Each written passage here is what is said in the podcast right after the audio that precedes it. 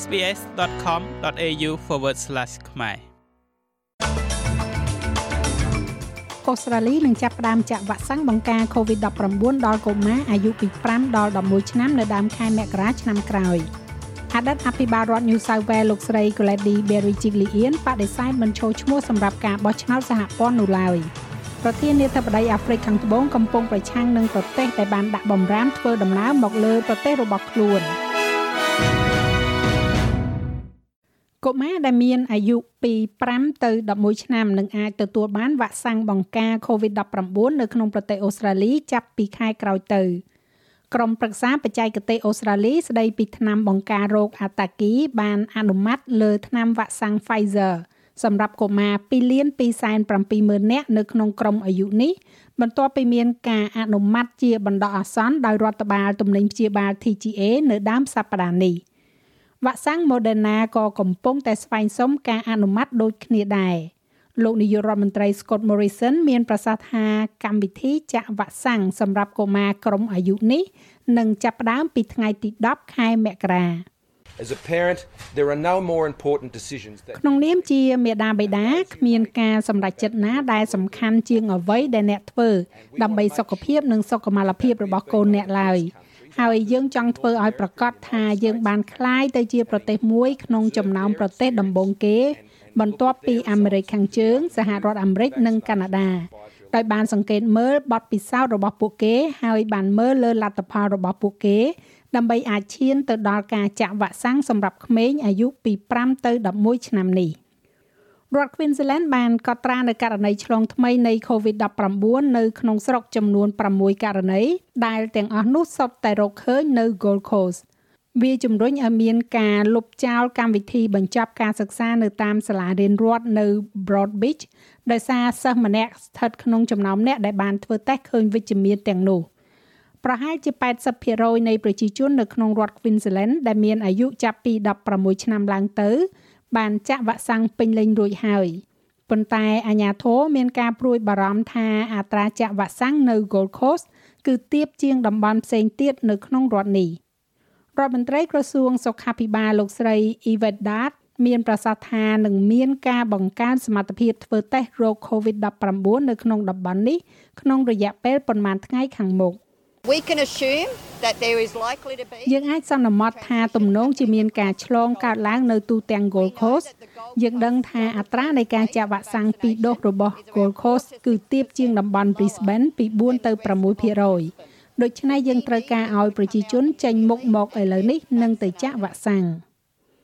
ចំណែកឯតួលេខឆ្លងនៅថ្ងៃនេះវិញរដ្ឋ Victoria បានកត់ត្រាករណីឆ្លងថ្មីក្នុងស្រុកចំនួន1206ករណីនិងស្លាប់2នាក់រដ្ឋ New South Wales មានកំណត់ត្រានៃការឆ្លងនៅក្នុងសហគមន៍ខ្ពស់គឺ516ករណីនិង ACT កត់ត្រាករណីឆ្លងថ្មី6ករណីអតីតអភិបាលរដ្ឋ New South Wales លោកស្រី Gladys Berejiklian បានច្រានចោលនឹងការចូលឈ្មោះសម្រាប់កៅអីនៅ Warringah ក្នុងការបោះឆ្នោតសហព័ន្ធនៅឆ្នាំក្រោយមានការប៉ាន់ប្រមាណជាច្រើនបានកើតឡើងនៅសប្តាហ៍នេះអំពីថាតើលោកស្រីនឹងដំណើរការជាមួយនឹងសមាជិកគណៈបក Liberal ដទៃទៀតដែលបញ្ចេញសម្លេងគាំទ្រឲ្យលោកស្រីចូលឈ្មោះនៅក្នុងការបោះឆ្នោតនេះដោយរួមទាំងលោកនាយករដ្ឋមន្ត្រី Scott Morrison ផងដែរនោះឬក៏យ៉ាងណា ការគ្រប់គ្រងនេះបានកើតឡើងបើទោះបីជាគណៈកម្មការឯករាជ្យ ប្រឆាំងទៅនឹងអំពើពុករលួយ កំពុងតែស៊ើបអង្កេតថាតើលោកស្រី Barry Chiglian បានរំលោភលើទំនុកចិត្តសាធារណៈឬលើកទឹកចិត្តដល់ការប្រព្រឹត្តអំពើពុករលួយ នៅក្នុងទំនាក់ទំនងសម្ងាត់រវាងលោកស្រីជាមួយនឹងអតីតសមាជិកសភា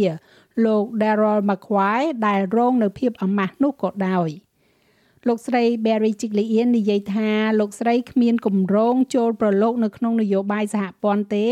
ហើយបែរទៅសម្លឹងរកការងារនៅក្នុងវិស័យឯកជនវិញ I'm looking forward to a much less public life ខ្ញុំទន្ទឹងរង់ចាំជីវិតដែលមានភាពជាសាធារណជនតិចជាងមុនខ្ញុំនឹងមិនប្រកួតប្រជែងកៅអីសហព័ន្ធនៅ Warringah ឬកៅអីផ្សេងទៀតនោះទេ ខ្ញុំនឹងសម្លឹងទៅទិសដៅផ្សេង ហើយខ្ញុំទន្ទឹងរង់ចាំឱកាសដែលផ្ដល់ឲ្យខ្ញុំនៅឆ្នាំក្រោយ។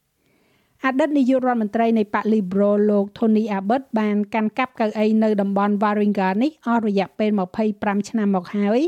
នៅមុនពេលដែលបាត់បង់វាទៅឲ្យសមាជិកសភាឯករាជ្យលោកស្រី Zali Steggall នៅឆ្នាំ2019 ប្រធានាធិបតីអាហ្វ្រិកខាងត្បូងកំពុងនិយាយប្រឆាំងទៅនឹងប្រទេសទាំងឡាយណា ដែលបានដាក់បំរាមធ្វើដំណើរមកលើប្រទេសអាហ្វ្រិកខាងត្បូងដើម្បីឆ្លើយតបទៅនឹង variant Omicron នៃ COVID-19 វាកើតឡើងនៅពេលដែលអគ្គនាយកអង្គការសុខភាពពិភពលោកលោក Tedros Ghebreyesus សម្ដែងនៅការព្រួយបារម្ភថាការហាមឃាត់បែបនេះអាចរារាំងប្រទេសផ្សេងទៀតពីការបញ្ជាក់ពីដំណាភាព នៅពេលរកឃើញ variant ថ្មីៗនាពេលអនាគតលោកនិយាយថាលោកសង្ឃឹមថាប្រទេសដទៃទៀតនឹងដើរទៅតាមគន្លងរបស់ប្រទេសស្វីសនិងប្រទេសបារាំងក្នុងការដកហូតការរឹតបន្តឹងនេះមកវិញការអត្ថាធិប្បាយរបស់លោកត្រូវបានបន្តឡើង ដោយប្រធានាធិបតី Cyril Ramaphosa ដែលនិយាយថារដ្ឋាភិបាលចាំបាច់ត្រូវកែលម្អវិធីដែលពួកគេឆ្លើយតបទៅនឹងវិបត្តិនានា We should be concerned that some decisions យើងគួរព្រួយបារម្ភថាការសម្រេចចិត្តមួយចំនួនលែងត្រូវបានជូនដំណឹងដោយវិជាសាស្ត្រទៀតហើយហើយមិនត្រូវបានធ្វើឡើងដោយផ្អែកទៅលើការអនុវត្តសាមគ្គីភាពទៀតនោះទេโรគរាតត្បាតនេះបានបង្ហាញពីរបៀបដែលយើងឆ្លើយតបទៅនឹងវិបត្តិពិភពលោកពិតប្រាកដបានបង្ហាញនៅចំណុចខ្វះខាតនិងភាពទន់ខ្សោយជាច្រើន។ នៅឯប្រទេសកម្ពុជាឯនោះវិញការពីរសៀលថ្ងៃទី9ធ្នូម្សិលមិញនេះក្រសួងសុខាភិបាលនិងអង្គការសុខភាពពិភពលោកប្រចាំនៅកម្ពុជា បានចេញប្រកាសរួមគ្នា ស្ដីអំពីបច្ចុប្បន្នភាពនៃវីរុស COVID-19 បំប្លែងថ្មីអូមីក្រុងលោកស្រីអាវ៉ាន់ឌិនរដ្ឋលេខាធិការនិងជាអ្នកនាំពាក្យនៃក្រសួងសុខាភិបាលបានបញ្ជាក់ថា ទោះបីជាបច្ចុប្បន្ននេះកម្ពុជានៅមិនទាន់មានវត្តមានវីរុស COVID-19 អូមីក្រុងនេះក៏ដោយប៉ុន្តែបើតាមការសិក្សាពីចរាចរណ៍និងបទពិសោធន៍ក្រសួងសុខាភិបាលប្រមាលទុកជាមុនថាវត្តមានមកដល់របស់អូមីក្រុងនឹងអាចកើតមានឡើងនៅពេលណាមួយជាមិនខានអញ្ចឹងវាអត់មានអីដែលប្លែកទេមកដល់ពេលនេះវិធានការដែលយើងកំពុងតែអនុវត្តបច្ចុប្បន្នគឺជាវិធានការដែលមានប្រសិទ្ធភាពល្អហើយ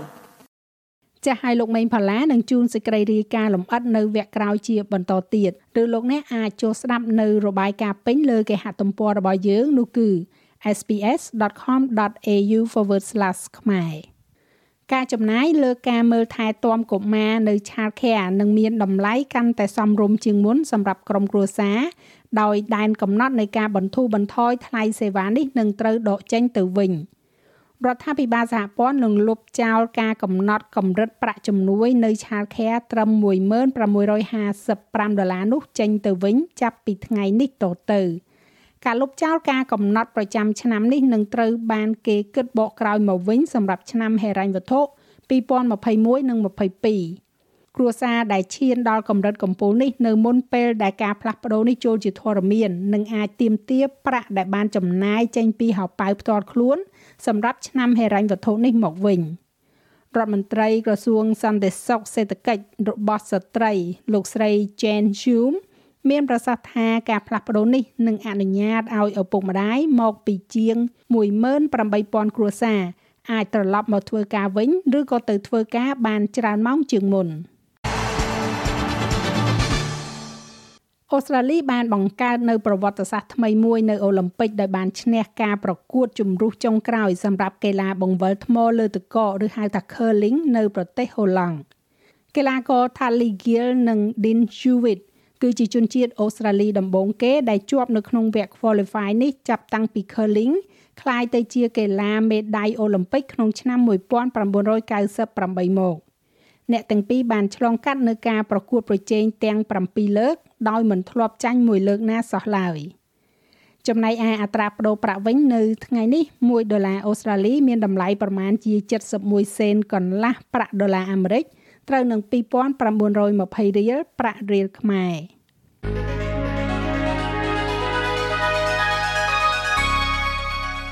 ឥឡូវយើងក៏លេខមកមើលការព្យាករណ៍អាកាសធាតុសម្រាប់ថ្ងៃសៅរ៍ស្អែកនេះវិញ នៅទីក្រុងផឺតមានពពកដោយពេល25អង្សា បើកថ្ងៃនៅអាដាលេដ29អង្សា មានពពកដោយពេលនៅមែលប៊ន22អង្សា